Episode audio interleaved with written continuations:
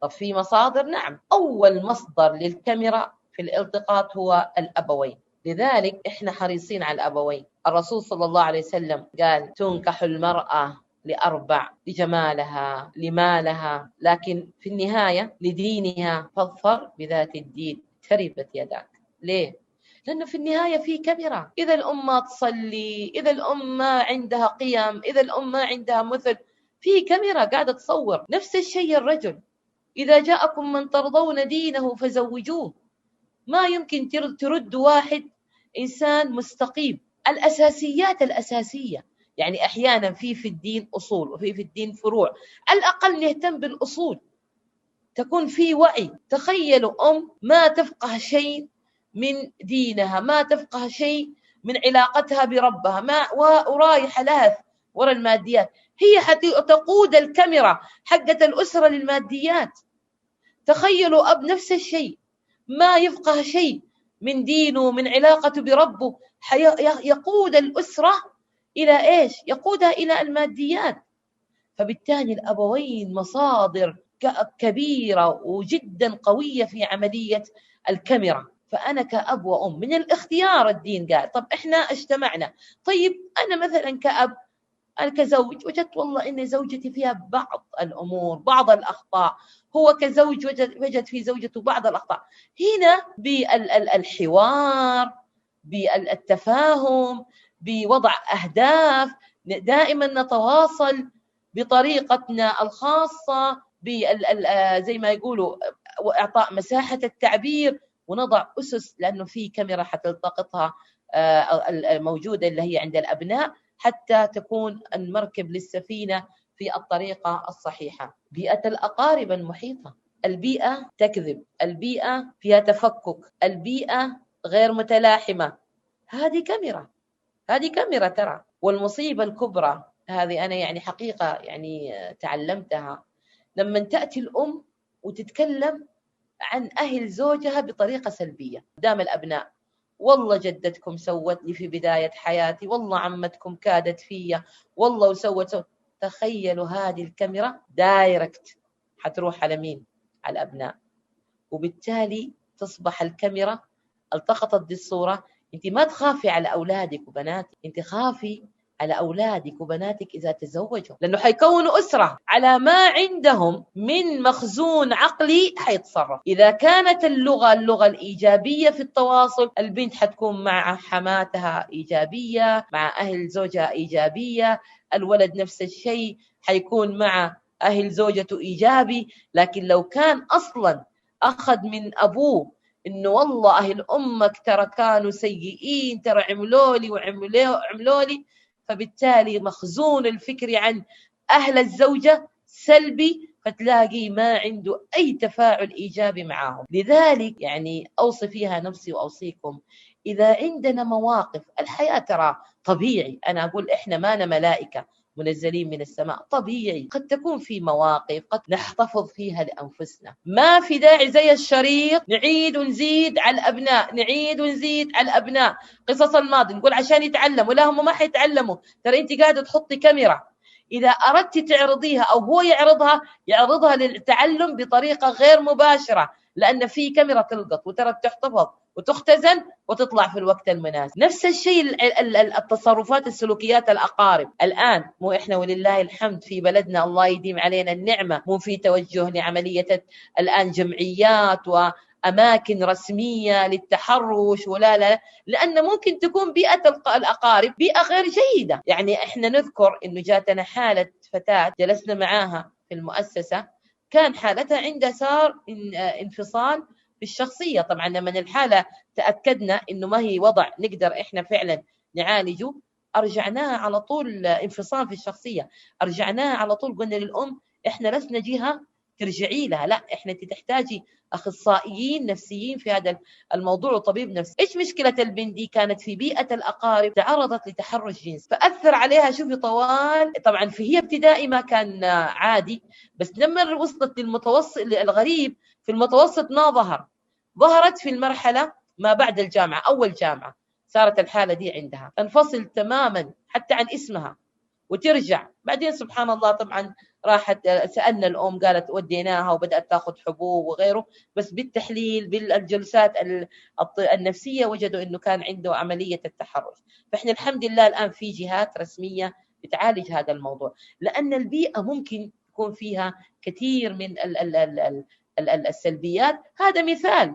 لكن قلت لكم حطوا على حطوا يعني زيه موضوع إنه يكون البيئة غير نظيفة غير صحية في عندكم مسألة الغيره الحسد الأحقاد. هذه برضو كاميرا. اللغة اللي قاعدة تطلع من الأقارب هذه كلها كاميرا كاميرا. فعشان كذا أنا أحيانا أقول وهذه يعني زي ما قلت لكم دائما أوجه فيها نفسي قبل ما أعطيكم إياها إنه إحنا وهم صغار نحرص. حتى لو نرسلهم لمكان نيجي نناقشهم بعد الجلسة. ها كيف؟ انبسطتوا بيت عمك؟ انبسطت بيت خالتك؟ طيب إيش سويتوا؟ إيش عملتوا؟ لأن ترى في كاميرا هناك لقطت أشياء. يعني أحيانا آه، كنت أقول لأولادي اللي في سن معين ترى انتبهوا. لما يجوا أحفادي ترى هذه كاميرا تلقط. انتبه انتبه غرفتك انتبه اشيائك لأن هي كاميرا قاعدة تلقط. ترى هي ما تظهر الآن بس ممكن بعد فترة لما يروح لبيتهم تظهر عنده لما نيجي في مرحلة المراهقة تظهر عنده فعشان كده أنت حلو إحنا كأمهات وآباء نسأل. لما يروحوا للأقارب لما يروحوا يلعبوا مع الجيران. ولذلك أنا كمان أنتقل بيئة. حتى لو كان يعني عم وخال وقريب وجدة بس نكون تحت المجهر. يعني مرة برضو جاتنا حالة كانت أم آه، تتكلم تبغى علاج لولدها. تقول أنا ولدي كان فترة معينة أنا منفصلة عن زوجي وولدي خليته عند أمي وأبويا وترى اغدقوا عليه ما تتخيلي العطاء اللي أعطوه. بعدين قدر الله أنا أنتقل. أنا طبعا كنت مع العمل منشغلة. فلما انتقلت وصرت في شقة لوحدي ومع ولدي قالت بدأت تطلع أشياء يعني ما يمكن أتخيلها. وأنا مستغربة ولدي ما كنت أشوف دي الأشياء لأني أنا كنت مشغوله بالعمل. فقلت لها هذه الكاميرا اللي كونها. قالت كنت أرسله لبيت أبوه يقعد مع عمته كم يوم وبيت أمي وأبوي وكانوا يغدق عليه برا النفقات. صار الولد ما يعرف كلمة لا صار الولد ما يعرف إنه ما عندنا. صار الولد ما يفهم إنه والله اليوم ما قدرنا نشتري هذا الموضوع لأن تقول لي أنا الحين اكتشفت إنه الكاميرا اللي لقطها من بيت مع إنه أبويا وأمي وأحبهم وأعرف إنه يحبوه وما كانوا يعملوا ده التصرف إلا عشان حبه لكن الآن في كاميرا أنا قاعدة أعاني منها وهي إني أعوده على كلمة لا وأعوده على كلمة إنه خلاص ترى الشيء اللي عندنا نكتفي. قالت لي تخيلي والكذب تقول لي درجة يشتري أشياء غالية يرميها بالزبالة. تقول اكشف يقول لي خلاص يعني مثلا اشترى وجبة تكون يعني ب 20 ب 50 تقول بس ما بعوده على الترف. ياكل قطمه ويرميها بالزبالة. لما يجيني يقول أكلت بعدين تقول أروح كده بهدوء بدون ما يدري أفتش في الزبالة ألاقي الوجبة اللي جبتها رما رماها. فتقول لي مشكلة نشوء الكذب. قالت معناته هذا الشيء هو كان بيمارسه من زمان لكن أنا ما جاء على بالي إنه ترى ولدي ما كنت أتكلم معاه كثير مشغولة بالعمل ولدي في أيدي أمينة وارسله وارسله وبالتالي هي نتجت عنده سلوكيات كلها نتيجة إني أنا ما كنت اناقشه وأتكلم معاه وبالتالي الكاميرا رصدت هذه الأشياء. فبيئة الأقارب ما نقول إنه بيئة آه، ما هي كويسة أو نحكم عليها لا بس إحنا نحتاج إنه نتبنى موضوع الكاميرا ونتبنى موضوع الصورة الذهنية بحيث نناقش نتكلم حتى هذا يساعدنا كثير في آه، ملاحظة الأمور أول بأول. بيئة الأصدقاء طبعا هي الإشكالية في مرحلة المراهقة. وترى كلنا آباء وأمهات نعاني من هذه المرحلة. إحنا هذه المرحلة تحتاج إعداد منذ الصغر عشان في كاميرا عشان في صور ذهنية. لأني أنا ما أتركه بدون أي أي آه زي ما يقولوا آه بدون إجراءات بدون قوانين بدون معايير معينة أبدأ أحطها في البيت وبعدين أجي في مرحلة الثانوي أبغى أعالجها أو مرحلة المتوسط أبغى أعالجها. قد نقول برضو إحنا ترى نتكلم على العموميات قد تكون في حالات فعلا بذلنا جهدنا لكن هم الأصدقاء غيروه.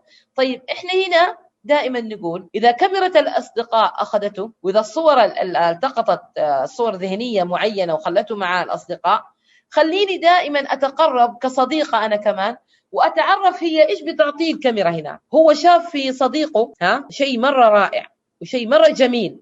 أحسن حتى منك يا أمي أحسن حتى منك يا أبويا.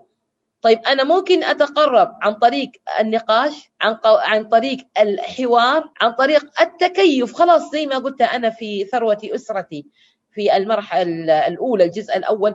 خلاص زي ما هو تقبله يعني عذرا في التعبير. ولد منحرف خليه منحرف. أتقبله.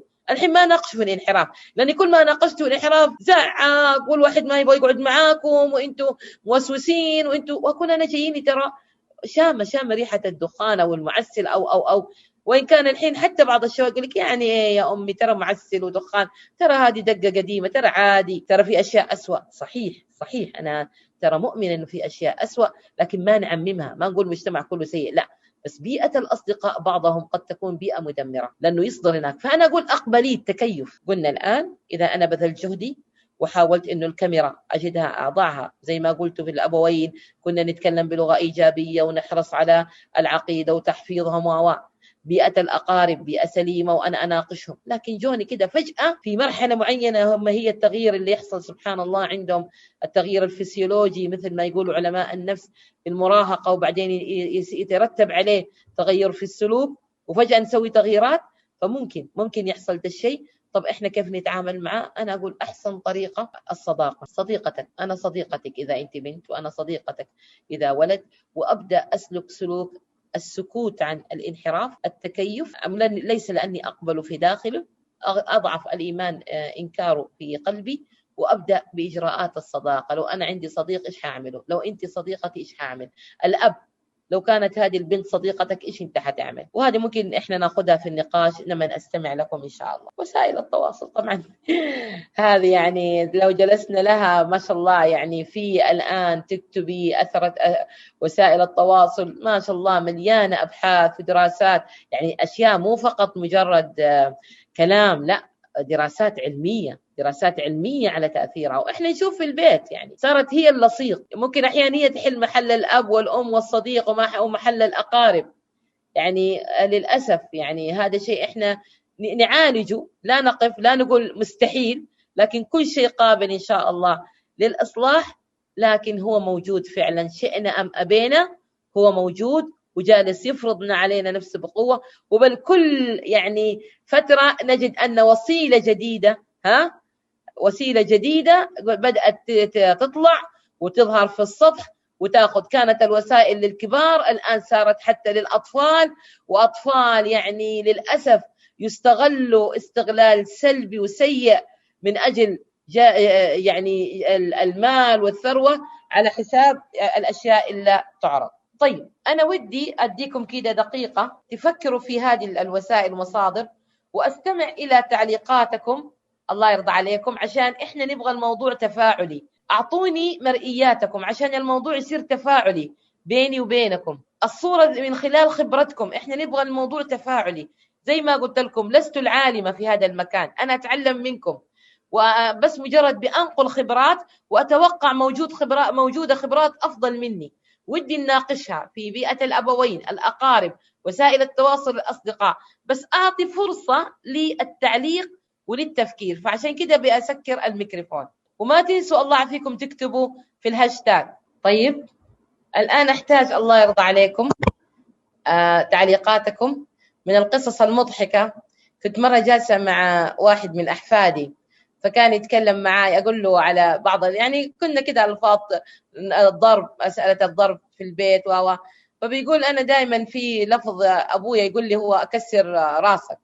ليه يقول لي كذا فقلت أوف هذه بس الكاميرا.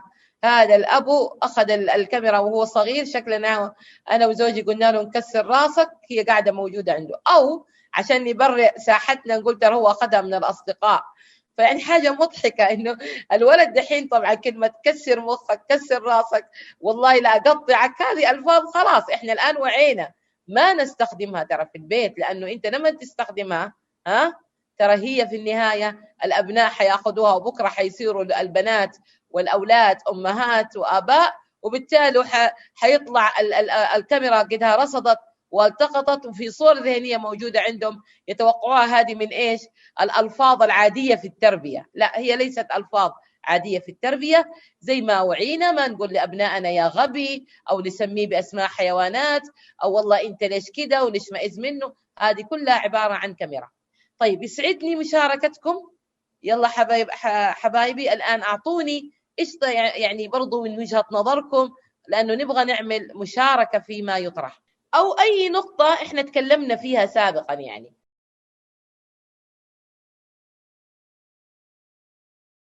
جميل جميل ممتاز. يعني الآن حتى كأنك أنت بتقولي لا الأبوين ولا البيئة ولا الأصدقاء ترى ما هو موجود من وسائل هو اللي قاعد يحط عنده آه، كاميرا خفية وياخذ صور ذهنية تتزاحم عنده.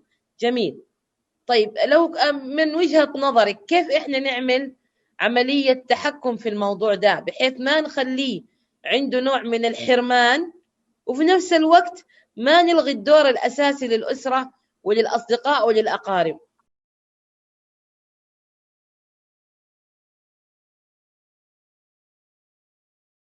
صحيح. صحيح. جميل ممتاز. في مشاركة أخرى؟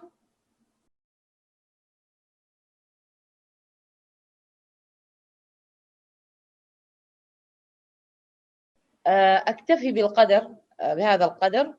آه، جميل جدا. الله يعطيكم العافية. إضافة حقيقة للقاء.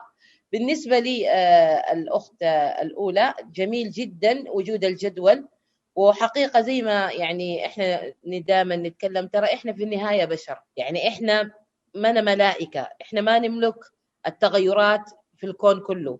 لكن ما يمكن أن نقدمه نحاول إنه إحنا نعمله.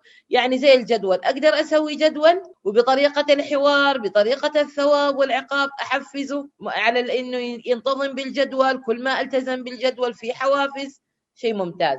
لأنه فعلا ما تقدري تعزليه عن العالم. لو أنا قلت والله بعض الأهالي تقول لك أنا ما أجيب له أصلا جوال صحيح.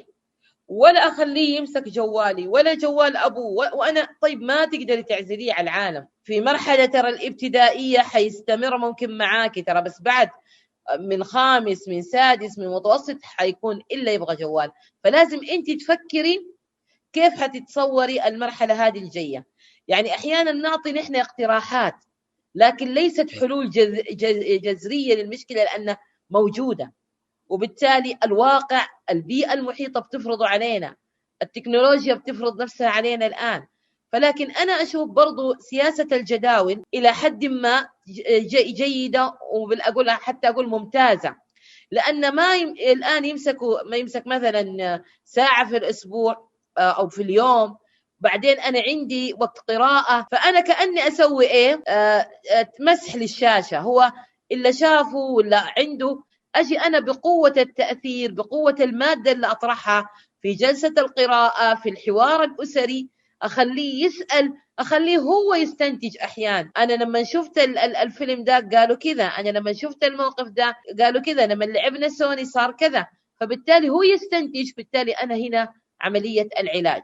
إحنا الوسيلة اللي نقدر نسويها وتدينا طريق فعلا نعملها. فالجدول يعني إذا كان في أخت ما بدأت جميل تبداي بجداول لأولادك خاصة مرحلة رياض الأطفال مرحلة الابتدائي. وهذا الجدول يستمر ترى حتى لمتوسط لثانوي بعد الجامعة. جميل إنه العائلة يكون لها جدول وأوقات. على الأقل ها نخفف من حدتها. لأنه عدم النضج هي المشكلة إنه عدم نضج الصغار ما يقدروا يحكموا على طول بشكل مباشر صح وخطأ بل يتقمصوا الأدوار ويأخذوها. بالنسبة لأختي اللي هي الآن عندها ولد في المراهقة هذا برضو ترى الوضع الطبيعي لكن سددي وقاربي. آه لو أقول ما شاء الله سنك صغير تقدري تلعبي معه ألعبي معه. خلي يكون ها هو بيلعب ويسب. خليه يشوف نموذج آخر للعب. وهذا يتمثل أنت وأبوه. ألعبوا سووا فريق. إحنا بالتالي إحنا نحتاج إنه حتقول بعض البعض يقول أنا بلعب طب أنا والله مالي بالسوني. بس في هذا ال ال ال ال العصر 2020 مضطرة. 1441 مضطرة انه يكون عندك فعلا سوني وتلعبي معاهم. لأنك أنت تصير لما تلعبي ما حتسبي فهو يشوف نموذج آخر. ما في إلا هالطريقة انه يكون في نفس الشيء اللي هو يرغب فيه يكون في بديل. بس بديل ما يكون في نفس السلبيات الموجودة. وإذا وحده عندها تجربة أخرى يا ريت تثرينا في اللقاء. هذا اللي هو موجود عندي والله أعلم. لكن ما تقدري مرحلة الحرمان. وأسلوبك إنك تكلميه حلو. بس زي ما هو يقول لك أنا ما أبغى أسمع أنت نفس الشيء استخدمي نفس اللهجة. قولي أنا ما أقدر أقولها يعني الألفاظ اللي سمعتها ما أقدر أقولها يا ولد ترى مرة كبيرة. طب أنت إيش رأيك؟ وكثرة لعبك معاه عشان والساعات اللي تحدد له خففي من ساعاته الساعات مع أصدقائه اللي هو إيش؟ يشعر إنه أكثر وقته آه، معاهم لأن البيت يمكن ما عندكم يعني نوع من ال ما عندكم هواية لدي الأشياء أو أو ألعب معها واسوي معها لكن جربي وطول الساعات يعني بدل ساعة ساعتين ثلاثة زي ما هم يعملوا يعني يكون في بديل. دائما أسمعها في كتب تغيير العادات والسلوك يقول لك حط لي بديل وبديل يكون قوي عشان يقدر إيش؟ يشده. عاد شوفي انت بدائل أخرى. ننتقل المدرسة. للأسف زي ما قالت إحنا صار عندنا وسائل التواصل الاجتماعي أقوى من الأبوين وبيئة الأقارب والأصدقاء والمدرسة. ما نقول دائما لأن هذه صيغة تعميم وإنما نقول أحيانا. يعني المدرسة جميل إذا معانا الآن في اللقاء موظفات. أحرصوا الله يرضى عليكم لأنه إحنا يعني زي ما يقولوا أنتم الأمل المنشود. الله يسعدكم إنكم التحيوا في الجيل ما مات فيه. لأن في أشياء عند البعض ماتت. يعني أجمل شيء يعني من الأشياء اللي فيها دعابة إنه الآن عند الأولاد جوالات فالمدرس يشرح أو المدرسة تشرح وهم مشغولين بوسيلة التواصل اللي عندهم. يعني صاروا أقوى من المدرسة. فبالتالي هنا فعلا ما نقدر نشد الطالبات وال الطلاب إلا إذا فعلا كانت عندنا وسائل ابتكارية وإبداعية حتى نخليهم آذان صاغية لنا بعيد عن التشتيت بعيد انه يكون عندهم. بل حتى في مرحلة ترى أحيانا آه، الصفوف الأولى في التعليم أول ثاني آه، نفس الشيء التمهيدي عندهم مشكلة إنه أحيانا مشغولين بأشياء وغير والمدرس أو المدرسة بتشرح. فنبغى نعيد للمدرسة والأصدقاء والأبوين بس زي ما قلت لكم البديل القوي. يعني إحنا كأبوين لازم نعمل بديل قوي ونحن نكون نحط نظرية الصورة الذهنية تحت الملاحظة الشديدة لنا ونراقب أقوالنا وأفعالنا وحركاتنا. بيئة الأقارب نتابع ما بعد الزيارة. وسائل التواصل نخلي فيه بدائل معاهم مشاركتهم. المدرسة الله يعينكم في الابتكارات. الأصدقاء هذه إحنا برضو نحن دائما نشوف هم إيش يعجبهم عند الأصدقاء. يعني الولد لما دائما يروح إيش يعجبه؟ البنت إيش يعجبها؟ نحاول نكون إحنا الأصدقاء نعطي الدور. وأولا وأخيرا هو الدعاء. لازم ما ننسى ما ننسى الله والدعاء وإنه يعني حتى في دي الأمور نلجأ لله سبحانه وتعالى فيها. طيب الآن عندي ماذا تودين أن تلتقط الكاميرا الخفية من صور ذهنية في أسرتك؟ عندي الجانب الروحي، عندي الجانب المادي، عندي الجانب الاجتماعي، عندي السلوك الخلقي والقيمي، عندي السلوك المالي والاقتصادي بشكل عام لو كل واحدة بس تعطينا ما تود أن يكون موجود عند عندها وإيش الوسائل إلا فعلا حتقوم فيها. برضو أنا أعطي خمس دقائق للتفكير بس الله يرضى عليكم أحتاج تفاعلكم مشاركتكم لا تحرمونا من أصواتكم ومشاركتكم لأنها حتثر اللقاء حتعطونا معلومات إحنا فعلا محتاجينها. الله يرضى عليكم أحتاج مشاركتكم وتفيدونا في اللقاء. الآن أحتاج من خلال حياتك الخاصة من خلال خبرتك من خلال توقعاتك تطلعاتك ما هي الصور اللي تودي إنها تكون موجودة في أذهان أولادك؟ كل واحدة تعطينا لو في جانب واحد أكون شاكرة ومقدرة لكم. خلونا نستفيد خلونا نتعلم خلونا نتغير ونطور وننمي اللي عندنا.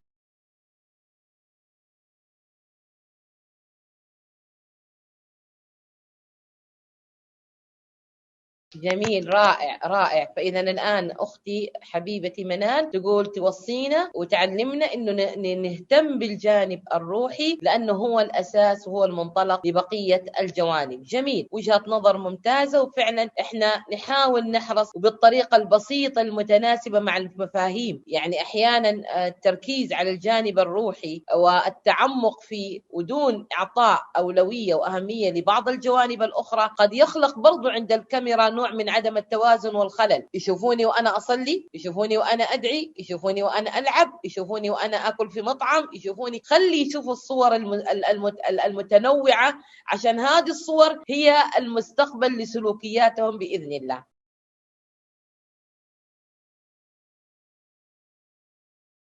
جميل. آه رائع حقيقة ومشاركة فعلا فعلا. بنأكد عليها. إحنا الإشكالية أحيانا قد يكون عندنا المعلومات لكن وسيلة التوصيل كيف؟ هي الآن تكلمت يعني أنا أذكر لما قالت أنا أدعي قدامه ويسمع.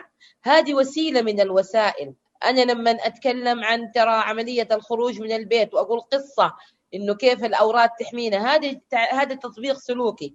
أجي في موضوع الكذب والأمانة والأمور هذه لازم في وسيلة لازم في قصص خاصة وهم صغار. وإذا الموضوع شفتيه تفاقم وهو كبير معناته تحتاجي إنه عملية إنه في عنده شيء من الخوف لسه ما وضحت. المعلومات ناقصة عنده.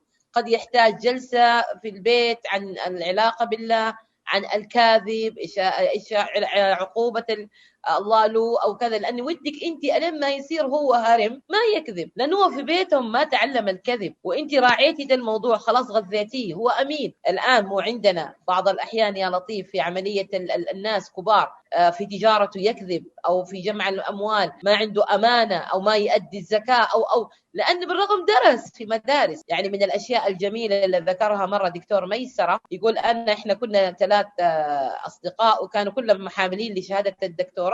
قال فالغريب لما جينا ندخل المسجد جاء وقت الصلاة فقول قالوا يلا نصلي. فطبعا أنا قلت لهم خلاص نصلي. أنا كنت متوضئ ورحنا. قال تخيلوا كده بنمزح بعد ما خلينا خلصنا الصلاة لقيت إنه الاثنين صلوا على غير وضوء. فقال استغربت فهو كان قالها والله دكتور ميسرة يعني والفضل بعد الله يرجع له بهالمقولة. قال ثلاث آلاف حصة دين في المدرسة ما غيرت من هذا الدكتور. معناته في إشكالية كبيرة. معناته في علم في علم لكن ما في وسائل لكن ما ترسخ. فإذا معناته في تضافر جهود قد يكون المدرسة أعطت. لكن البيت أصلا ما كان يعني قال دكتور وما يعرف إنه الصلاة بغير وضوء ما تجوز وعارف بس قال لأنه إيه وقت الزحمة ومؤتمر و ما يبغوا يضيعوا وقت. فصارت الأولوية عندهم. هذه ما أقدر الآن يعني زي ما تقولوا أفصل فيها حنيجي في جدول الأولويات.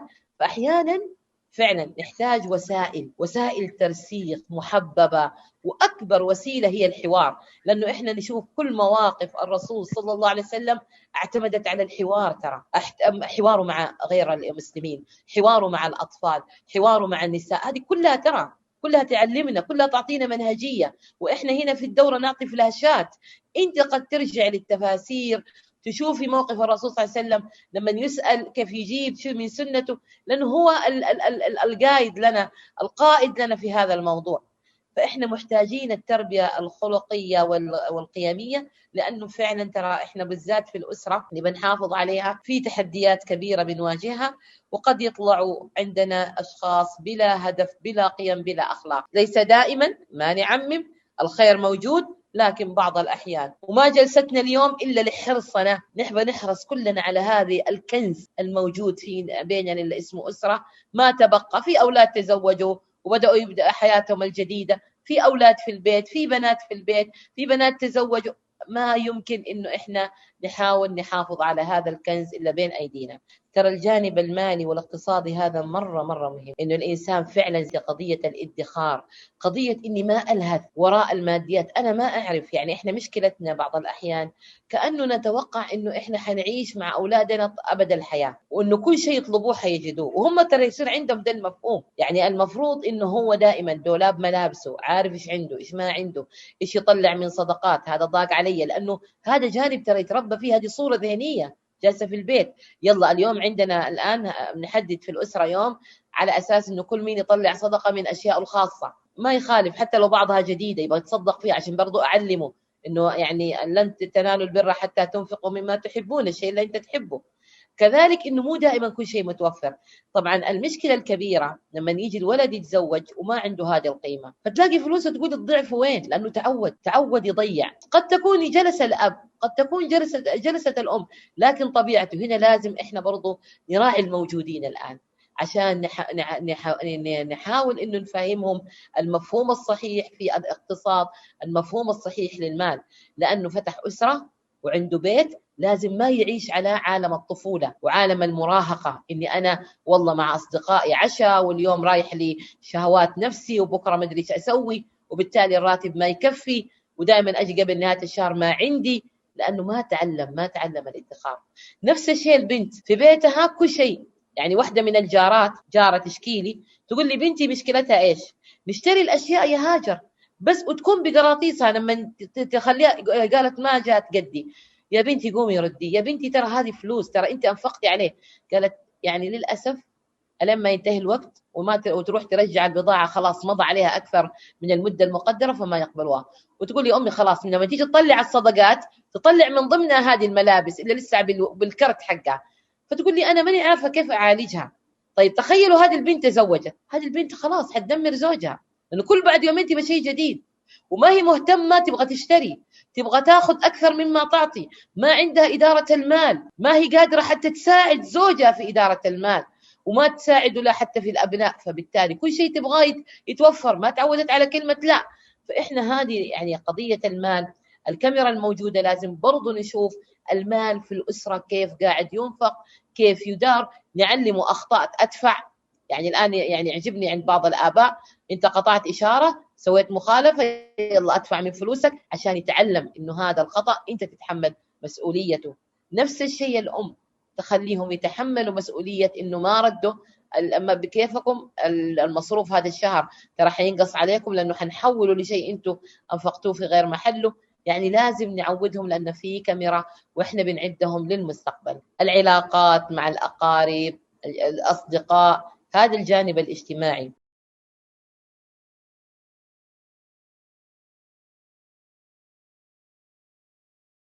جميل جميل. يعطيك الله العافية رائع. والله طرح جدا رائع رائع. بكل المعاني لأنه فعلا أنت لمستي حاجة حاجة موجودة طبيعية بين الناس. يعني وفي زي ما قلتي نبغى نعززها عند الأولاد عند البنات. كيف أني أنا الأقارب؟ هل أنا أنتظر الرد الإحسان؟ فهذا جانب جميل إنك وأنت بالعكس الآن قلتي شيء رائع. أنا أعطي وبأفهمه لكن الطفل بمفهوم الطفل لأنه حتى لو عشرين ما عنده الخبرة الكافية ما عنده النضوج. أنا دائما في هذه الأمور أربطها بإيه؟ بالعمل الأخروي. أقول له تعالي تعالي يا بابا. في عندنا صورة اسمها آل عمران. طب خلينا نقرأها مع بعض في الآية وسارعوا إلى مغفرة من ربكم. فأنت لو تتلمسيها وتأخذيها كتفسير معه بطريقة أريحية ما يشعر فيها بأنه أوه بدي أعطيك كم هائل من المعلومات. أفرضها عليك قول خلينا نتحاور نتحاور فيها. نبغى نشوف لأن هذا القرآن هو منهج الحياة. يعني الله إحنا من تركنا تركت فيكم ما ان تمسكتم به لن تضلوا بعدي. كتاب الله وسنة الرسول صلى الله عليه وسلم. هي المنهجية. الآية إيش تقول؟ وسارعوا إلى مغفرة من ربكم. وجنة عرضها السماوات والأرض. أول شيء في الحوار ترى إحنا في جنة. عشان كذا إحنا قاعدين نعمل. أعدت للمتقين الذين ينفقون اموالهم في السراء والضراء والكاظمين الغيظ. والعافين عن الناس. ها يا بابا حبيبي في جنة. نبغى نروح لها؟ طيب إحنا إيش نحتاج؟ الكاظمين الغيظ. طيب هم فين غاضوك أولاد عمك أو أولاد خالتك أو سووا وعملوا أو حتى هو يمكن يشوف ردات الفعل معاك انت من قريباتك. لكن قول لي أنا بدي أطبق وإحنا المفروض نطبق. بس يبغى لها تدريب يا بابا يبغى لها وقت يبغى لها أيام. لأنه انت فعلا تنمي ذا الجانب عندهم. ما عندك حل وعلاج إلا الحوار وإنك تعطيهم من القصص والأثر. يعني الآن هذه الآية واضحة الكاظمين الغيظ قولي أنا أبغى أطبق الكظم إيش معنى الكظم كظم الغيظ كيف اعفو طيب شوفي الآية الثانية. ادفع بالتي هي أحسن فإذا الذي بينك وبينه عداوة. القرآن يا بابا يقول كأنه إيه؟ ولي حميم. شوف القرآن يا بابا إيش قالها؟ وما يلقاها إلا الذين صبروا وما يلقاها إلا ذو حظ عظيم. يعني الموضوع يبغى له صبر عشان مجاهدة أتحمل وما يلقاها إلا ذو حظ عظيم. بعدين يا ولدي ترى إحنا هنا بنزرع عشان عند الله بعدين نلاقيها. أبدأ كده في الجنة وإنه في باب باب الإحسان وباب العمل الخيري. ما عندك وسائل تنمي ده الشيء إلا عن طريق جلسات حوارية نتشارك في التفسير للآية. لأنه هو الآن عنده مشكلة فيكون حتى هو بتعطيه مرجعية القرآن في بعض المشاكل اللي تكلم عنها. جانب الاجتماعي العلاقات وجميل أنت قدوة. نموذج القدوة. ترى شئتي أم أبيتي؟ ما دامت أنت بتدفعي بالإحسان شئتي أم أبيتي حيتعلموا منك الإحسان الكاميرا حتلقط الإحسان لأنه ترى من خلال يعني إحنا أقول لك حتى بعض الأحيان نقعد مع زميلاتنا المدرسات يحكوا عن علاقاتهم الاجتماعية تقول لك والله أولادي ما يبغوا يدخلوا بيت خالتهم لأنه صار لهم موقف. طب ليش؟ لأنه قالت وأنا كمان صراحة قاطعتها أختي. طب أختك لأنا قاطعتها. بطي فهنا ما في نموذج القدوة. ما في نموذج ادفع بالتي هي أحسن. ما في نموذج إلا والكاظمين الغيظ. فأنت أهم شيء أنت. لا تصبحي لا تصبحي أنت غير النموذج اللي قال عنه القرآن واللي أمر فيه عشان تقدري. وأنا بقول لك ترى ما هو سهل ما هو سهل لأنه أنتم نتكلم على الجانب الخلقي والخلقي والقيمي والجانب الاجتماعي ترى هذا يبغى له تدريب. أدرب نفسي إساءة وإحسان إساءة وإحسان يصير عندي عادي. بعض الأحيان في بعض لقاءاتي وأنا سبق ذكرتها هذه ذكرت لي وأنا حقيقة طبقتها وفي أخوات طبقوها وجدناها نجحت. يعني أحيانا في العمل تكون ما أقول لك قريبة تكون لك كمان زميلة في العمل بس مزعجة. فأنت إيش تسوي؟ والله أنا أخذت النصيحة دي قالت لي واحدة أدعي لها. كل ما سجدت أدعي لها قالت لي والله قلت لها يا شيخ صعب معقولة؟ قالت يا جربي. ما شاء الله لا قوة إلا بالله. يعني والله ما أقولها ترى عشان أقول خارق لكن فعلا الدعاء بالاسم للشخص المزعج ترى في إلا إلا سبحان الله.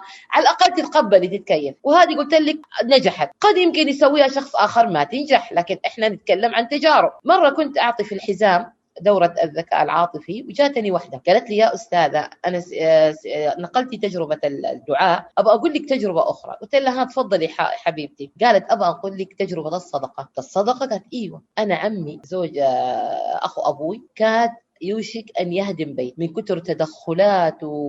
وظلت سنوات قالت سبحان الله هديت إلى الصدقة. كنت أدعي قالت كعلاج أول علاج ثاني الصدقة أتصدق عنه. تقول لي يا أستاذة أنا فوجئت 180 درجة تغير هذا العام. كنت أدعي وأتصدق. فسبحان الله في وسائل. جربوها. جربي دي الوسائل. جربي نموذج القدوة. جربي إنك ما تتكلمي. وأنا قلت هذه نقطة من الأول. لا نتكلم سلبيا على الأقارب. يا جماعة والله شفنا بعض الحالات. الأم لما تتكلم عن أخواتها سلبي ترى تزرع السلبية في أبنائها. الأب لما يتكلم عن أخوانه سلبي بيزرع. لما تيجي المرأة وتتكلم سلبي عن أخ... عن أخوات زوجها وأمه ترى قاعدة تزرع في الأبناء. لما تيجي يأتي الأب ويتكلم عن أهل زوجته سلبي بيزرعها كاميرات. طب إحنا إيش نحتاج؟ نحتاج صبر نحتاج مجاهدة نحتاج تدريب نحتاج نقرأ تفسير عشان نعمق هذه المعاني فبالتالي تصير تلقائية. إحنا ما حندوم لأولادنا ولا لأبنائنا وهدول أقارب. مين يقدر يتخلى أو يقول أنا أطلع من اسم العائلة؟ يعني أحيانا أقول لأولادي ما زلتم تحملوا اسم فلان بين فلان بين. ما تقدر تخلعه. حتى لو أنت فلان اساء لك لبناتي نفس الشيء فإذا المفروض إنه إحنا نفهمهم. خلاص صارت في شجرة اسمها شجرة عائلة خالات عمات أقارب. إحنا لازم ندفع لهم بالأحسن والدعاء وندعي. والله سبحانه وتعالى هو اللي يعين بالوسائل.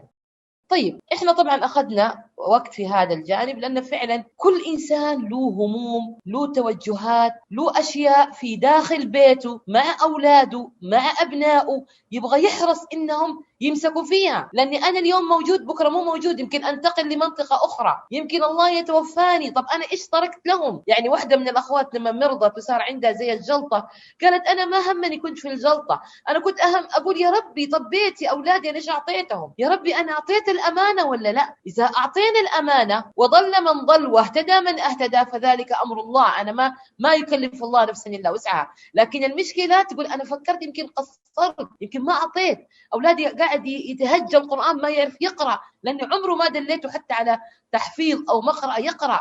فإذا عشان كده إحنا لما نتكلم عن الأسرة نبغى هذه الأسرة هي الأسرة المتميزة. هي الشيء الجميل الرائع. إلا يكون عندنا رضا حتى لو غادرنا هذه الحياة والله سبحانه وتعالى ترى حتى في آية جميلة يقولها نحن أولياءهم في الحياة الدنيا. لو الأبوين غادروا ترى الله بيتكفل بالأبناء. بس على الأقل نبذل ما في جهدنا. الجانب الروحي تعليمهم الصلاة الأشياء. ونعمل جلسات حوارية. الجانب المادي نكون عيننا عليه. ترى إحنا مو على طول كل شيء لازم يعرفوا كلمة لا. الجانب الاجتماعي علاقتهم علاقة البنت بالخالات بالعمات بالأقارب اللي هم الجدات. ما تقول والله جداتي كبروا ترى هم غير مستوى تفكيري. أنا أطفش. يعني أنا استغربت من واحد كان دكتور أتكلم معايا في موضوع خاص بعائلته. فكان يقول أنا كل ما آخذ أولادي لزيارتهم لأولادي لزيارة أمي يقوم يقولوا إحنا نطفش. ما عندهم شيء. هم كبار. قال طب أنا إيش أسوي؟ خلاص أنا أقول فعلا ليه ما ما, ما نراعي اولادنا؟ قلت لا لا هذه كاميرا. أنت الآن تأيده هذه كاميرا. ترى بكرة هذا الولد أنت اللي حتعاني منه. هو الآن يقول على أمك ترى بكرة هو حيقول عليك. أولاده يجوا له يقولوا له إحنا ما نبغى نروح يقول إيوه عادي ترى لا تروحوا ما أنتم ملزمين. فهي كاميرا تلقط من البيت. فلا شئنا أم أبينا؟ فإحنا لازم نحرص على العلاقات ولازم يفهموا يعني الحين مثلا بعض البنات في مجال أيضا الاجتماعي تكره إنه آه، زوجها يجيب لها حتى لو ضيف واحد. ما أبغى ما تعود يروح يوديه استراحة يروح يديه مطعم. ما لقطت الكاميرا إنه في شيء اسمه ضيافة في علاقات اجتماعية. أنا ممكن ما ما أزعجك بالضيوف لكن مرة أجيب لك ضيف مرة أجيب لك قريباتي. فهذه كاميرات جالسة تلقط. فخلونا نحن كأسرة ما حندوم لهالأبناء. والله حملنا بأمانة كلكم راع وكلكم مسؤول عن رعيته المرأة راعية ومسؤوله عن رعيتها والأب راعي ومسؤول عن رعيته. من باب المسؤولية لابد يكون عندنا اهتمام بهذه الجوانب وفعلا إدارتها إدارة جيدة.